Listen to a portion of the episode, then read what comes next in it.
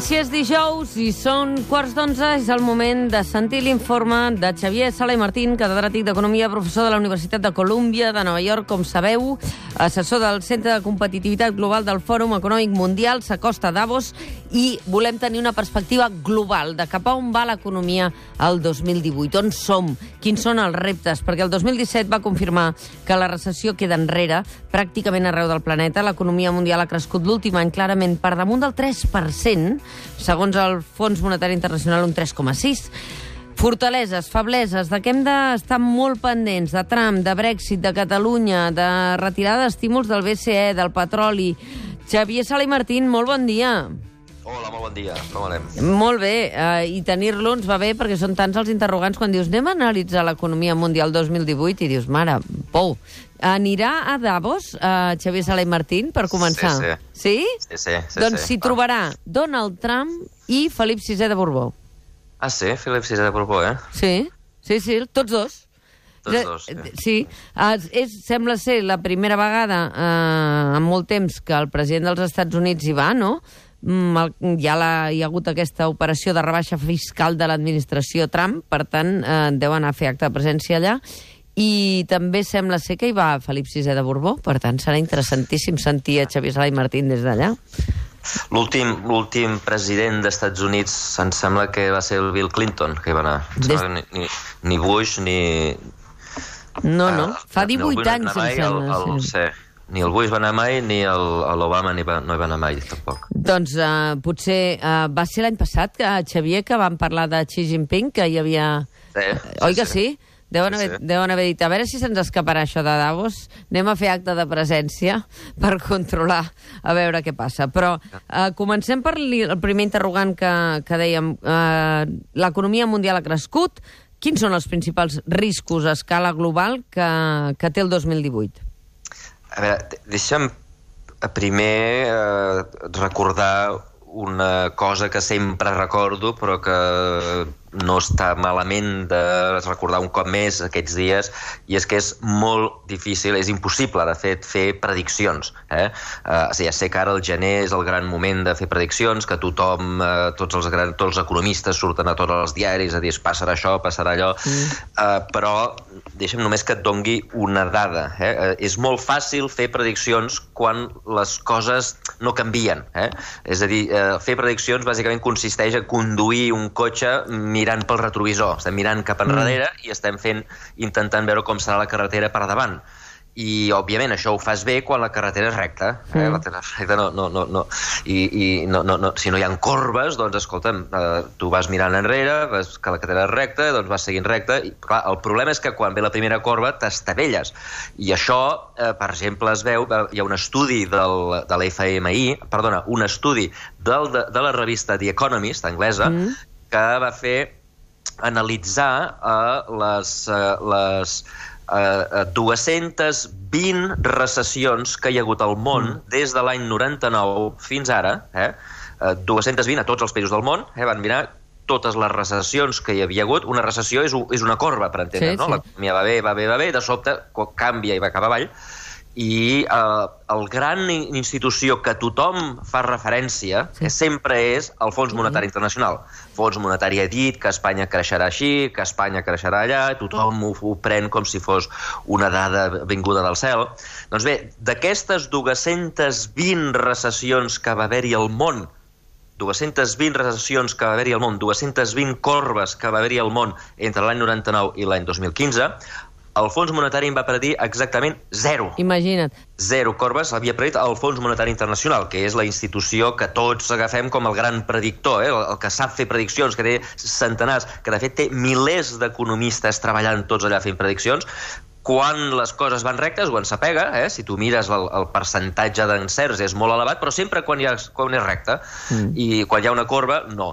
Uh, què passa? Doncs que ara sembla que estem en un eh, tros recte eh? i les prediccions, que, és a dir, ara l'economia mundial va creixent a un 3%, uh, el, les diferents zones del món que han anat patint en, les, en els darrers anys, gairebé totes s'han recuperat. Recorda que fa molts anys, fa 10 anys ja, els Estats Units va col·lapsar per la crisi de les subprimes, mm. després va haver-hi a Europa una gran recessió que va ser doble, després, un cop ja s'estava recuperant a Europa, va haver-hi la crisi del petroli, va baixar el preus del petroli i això va ensorrar els països exportadors de matèries primes, i ara sembla que tots, eh, tots més o menys, ja van una mica bé, i per tant, diguem, l'economia va tirant i estem en un moment recte i per tant les prediccions, si llegiu les prediccions que fa el Fons Monetari, les que fan totes les institucions, són que el 2018 doncs eh, l'economia seguirà creixent al 3%. És a dir, prediuen que, hi haurà, que estem en una recta. Eh, òbviament, si hi ha una curva, eh, ells no se n'assabentaran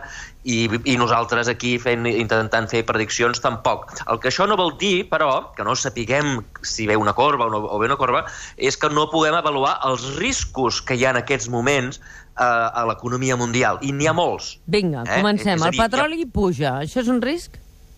El petroli puja... Bueno, el petroli... Eh, diguem, quan el petroli és, està molt baix, eh, sí.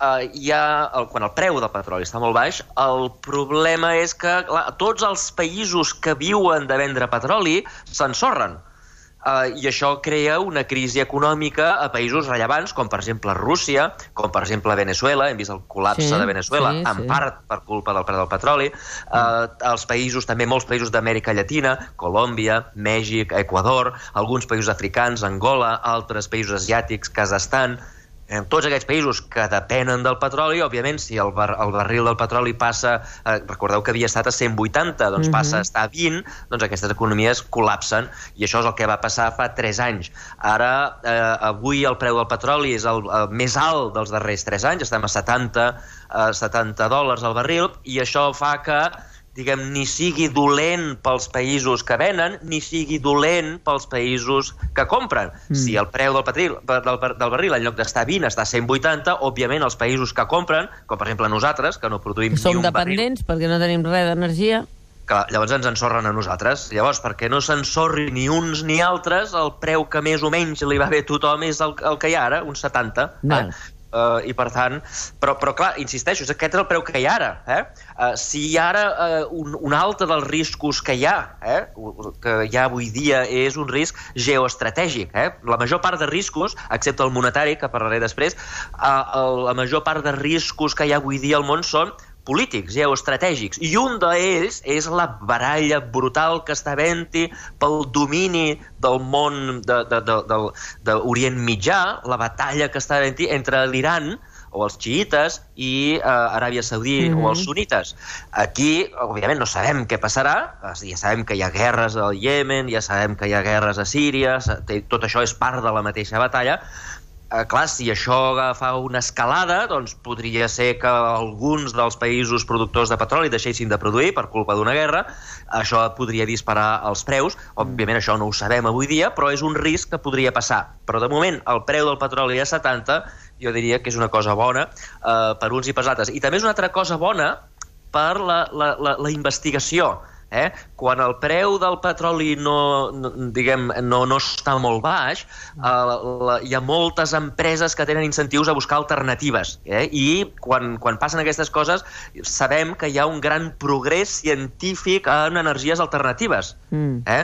És a dir, que, que, que la gent s'ha de buscar la vida quan el preu del petroli és, molt, és, és alt o, o, o no és tan baix, eh, i això ens acabarà beneficiant a tots, eh? perquè el, el preu, per exemple, en el que es produeix les energies, l'energia solar o l'energia eòlica està baixant en picat gràcies a tot aquest progrés científic que també es deriva eh, que és més ràpid o més lent depenent del preu, depenent dels incentius que tenen les empreses per escapolir-se i deixar de fer servir de fer servir el petroli. Pel que eh? fa a la nostra zona, diguéssim, a l'euro, eh, ara tenim un euro que s'enforteix. Sí. Això, a veure, el... què? Sí, a veure, el, el, aquí el, el, el tema principal de l'euro, dòlar i tal, és, és el tema eh, de la política monetària. Eh? Uh, ja sabeu que quan les coses van malament, eh, quan l'economia malament, el que fan els bancs centrals és baixar els tipus d'interès. Mm. La idea és que quan el banc quan els tipus d'interès són baixos, doncs és fàcil demanar crèdit, o és barat demanar crèdit, la gent co compra cotxes més fàcilment, compra cases més fàcilment, els venedors de cotxes i els productors, de, els constructors de cases eh, guanyen més diners, se'ls gasten a la peixateria, la peixatera guanya més calés, la peixatera s'ho gasta a la carnisseria, eh, i així d'aquesta manera, baixant els tipus d'interès, doncs es reactiven l'economia. Eh, quan va començar la crisi als Estats Units, ara ja fa 10 anys, mm. recordeu que el primer que va fer el Banc Central dels Estats Units, que es diu Reserva Federal, va ser baixar els tipus d'interès a zero. El primer que va fer el Banc Central Europeu, quan la crisi va arribar a Europa, va ser posar els tipus d'interès a zero. Eh? Uh, ara que la crisi s'ha acabat, doncs sembla que aquests bancs començaran, un ja ha començat, a la Reserva Federal dels Estats Units, a pujar els tipus d'interès a poc a poc, i es diu, la, la, els europeus encara no, però ja diuen que eh, això del diner fàcil, el diner barat s'està acabant, i que ells també començaran a pujar. I això és el risc més gran que tenim a Europa, que tenim als Estats Units i que tenim al món. Uh -huh. eh? Uh, per què? Uh, tam també, per cert, els, els europeus en fan una altra cosa, que és molt important pels bancs espanyols, sobretot, que és que recordeu que quan el Banc Central Europeu, quan, quan Europa va, va dir que uh, volia que el Banc Central Europeu ajudés els governs, uh, com l'espanyol, a obtenir crèdit. Sí, sí, que circulés el crèdit perquè hi havia una, un moment d'aturada i les empreses o els petits empresaris que tenien iniciatives no corria el líquid, no corria el crèdit. Exacte, i el poc que hi havia se'l se, se quedava el govern sí. i no hi havia prous diners per finançar el govern. Això era l'any 2012, els anys dels rescats, aquells anys que, que semblava que s'ensorrava Grècia, recordeu? Doncs eh, una de les coses que van fer i que van passar desapercebudes va ser com que les lleis diuen que el Banc Central Europeu no pot donar crèdits directament en, els, en el govern espanyol, o en el govern italià, o en el govern grec, no pot, és il·legal, diguem, perquè les, els propis europeus van fer aquesta regla, doncs el que farien seria donar crèdits als bancs perquè sí. els bancs li prestessin en els, en els governs, eh? Mm -hmm. una cosa que es diu carry trade. Uh, doncs, que no sé com es tradueix, eh? carry trade. Doncs, el que, doncs clar, a, a, a través d'aquest programa, el Banc Central Europeu ha donat milers de milions d'euros en els bancs, és un, molts d'ells un espanyols. arrossegador com comercial o de comerç, un, sí, un, no sé Sí. com ho hauríem de dir. Bueno, No, jo tampoc. és És- és arrossegar, arrossegar uh, un incentiu per arrossegar el comerç, diguéssim, o per arrossegar l'intercanvi comercial, no? No, no, no és, no és comercial, és, és donar un crèdit a un banc al 0% Sí. perquè el banc doni un crèdit al Bueno, govern al 3%. Per tant, val, val, val. Eh? Un, un Eh. impulsor. En, en, eh, segurament això... Bueno, en fi, no vull fer símils, però en, si estiguéssim parlant de cuina, seria un impulsor per, perquè, perquè funcionés, perquè pugés el, la circulació, les possibilitats de fer negoci, no? Potser sí. El que, el que passa No sé. és que no... A veure, els economistes molt sovint fem servir, quan parlem en català, paraules angleses. Sí, eh? sí, sí. Uh, com uh, també altra, altra gent, també, Sí, no? diuen sí. software, software, Sí, no sí. diuen No, no, ho dic perquè la gent que ens està sentint no se'ns perdi. Digues, digues. Sí. Doncs bé, diguem, hi ha hagut aquest gran programa que era donar crèdits a tipus d'interès zero als bancs espanyols perquè els bancs espanyols li prestin al govern el 3%. Mm. -hmm. D'aquesta manera se saltaven la seva pròpia norma que deia que el Banc Central no pot donar crèdits Ah, al govern directament. Eh? Uh, però també el que feien era, fixa't, finançar els bancs. Mhm. Perquè de sobte els bancs tenien una línia de negoci sense fer res, eh? sense, sense treballar, eh? podien agafar mil milions de- d'euros del Banc Central Europeu, Mm. al cap de 3 minuts deixar-los i el govern i quedar-se ells al 3%. Mm. Eh? És que també és mala cert que, que la, la, la xifra sigui del 3%, no? però, però, però diguem, era una mica estrany, no? Això és, és, és un negoci una mica estrany, eh? que sense fer res tu, de sobte els bancs eh, eh, guanyin, guanyin aquests calés. Per què ho dic, això?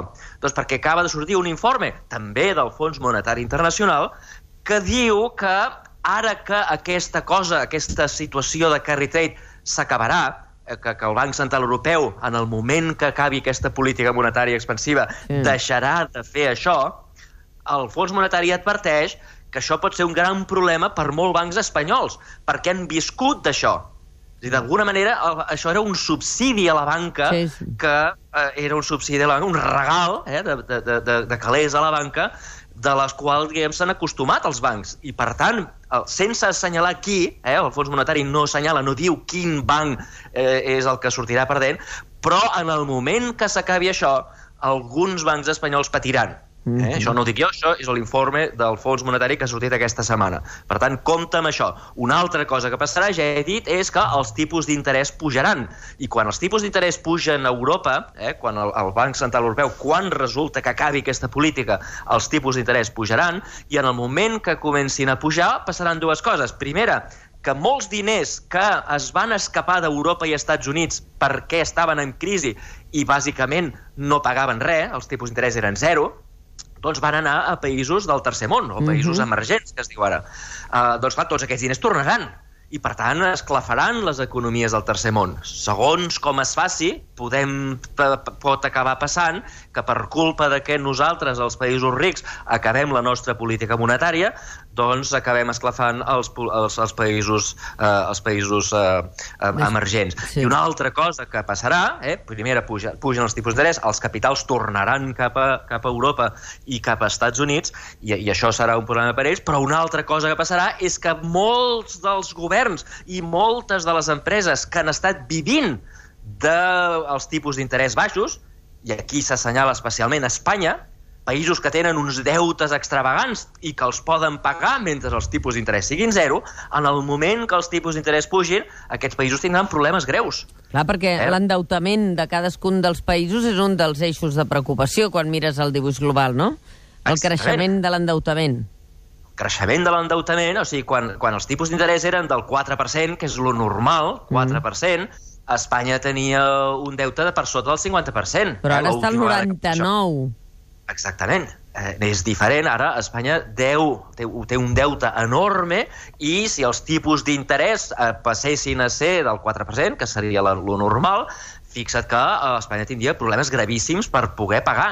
Eh, és a dir, els impostos que recapta de la gent eh, ara doncs, van a pagar doncs, les coses que van a pagar, de la sanitat, sí, l'educació, sí, sí. Els, sobretot el, diguem, els, els, els, l'armament, el salari d'aquest senyor que anirà a Davos, tot mm. això, tot això es paga del salari dels, dels impostos, però a partir d'ara, si els tipus d'interès pugen molt, doncs una part important, abans de pagar tot això, s'haurà de pagar els deutes. Però clar, la bomba de rellotgeria no és només Espanya, que està al 99% de deute del PIB, sinó també França, que està al 96 eh, i mig, i a Itàlia, que està al 132. Vull dir que el deute eh, d'aquests països sí, també és molt alt, eh? Sí, sí. I Japó, Japó perquè... 232. Exacte, o sigui, poso, dic Espanya perquè és el país que tenim més a la vora, sí, sí. però, però he dit, he dit eh, específicament que tots els països i totes les empreses mm. i totes les famílies que tinguin deutes elevats patiran. Eh? Això és una cosa que s'anomena l'efecte riquesa negatiu. Eh? Tu, sense fer res, t'arriba a, a casa una, una factura molt més elevada quan els tipus d'interès són elevats. I això vol dir que abans de poder anar a comprar el menjar, tu hauràs de... de, de, de diguem, la caixa ja et treu els calés, eh? Clar. Al principi, pum, ja t'arriba, ja t'han fotut els Però calés. Però això passarà progressivament, no poden passar els tipus d'interès de 0 a 4 en un any. Sí, sí, passarà progressivament, però, diguem, cada percentatge... Un 1%, eh, per entendre's, si Espanya té un PIB d'un bilió, eh, sí. un 1% són molts, són, són, són molts, molts són moltes desenes de milions eh, d'euros. Vol eh? dir que efectes de la gent que ens està sentint i està dient ai, ai, ai, els interessos de la, dels, deutes, dels deutes particulars de cada família, no? Sí, sí, cada família, diguem, que calculi, que calculi que la seva hipoteca se va cap amunt. Els que tenen mm. hipoteques variables, eh? Mm -hmm. uh, els que tenen hipoteques de tipus d'interès fix, aquests no, no els hi canviarà, però els que tenen variables, cada vegada que pugi, no el tipus d'interès del Banc Central Europeu, mm. perquè per ells el tipus de referència no és el tipus del Banc Central Europeu, sinó l'Euribor, que és un altre, però els dos estan lligats. Quan pugi el tipus d'interès del Banc Central Europeu, a poc a poc mm. també anirà pujant l'Euribor, i l'Euribor és el que afectarà les hipoteques. Però en qualsevol cas, tothom que tingui deutes, eh, quan els tipus d'interès són elevats, aquests sortiran patint. Doncs aquest és un escenari, tot i que si ho fan com la FED, com la, Federació, com la Reserva Federal Nord-Americana, ho faran a quart de punt, no? A quart de punt, de miqueta en miqueta. Xavier Sala i Martín, moltíssimes gràcies per l'informe d'avui. Que tinguis un molt bon dia. Igualment, a Protegeix-te de les corbes. Sí. I bon viatge a Davos. Ens sentirem des d'allà. Vale. Vinga. Ara. Adéu.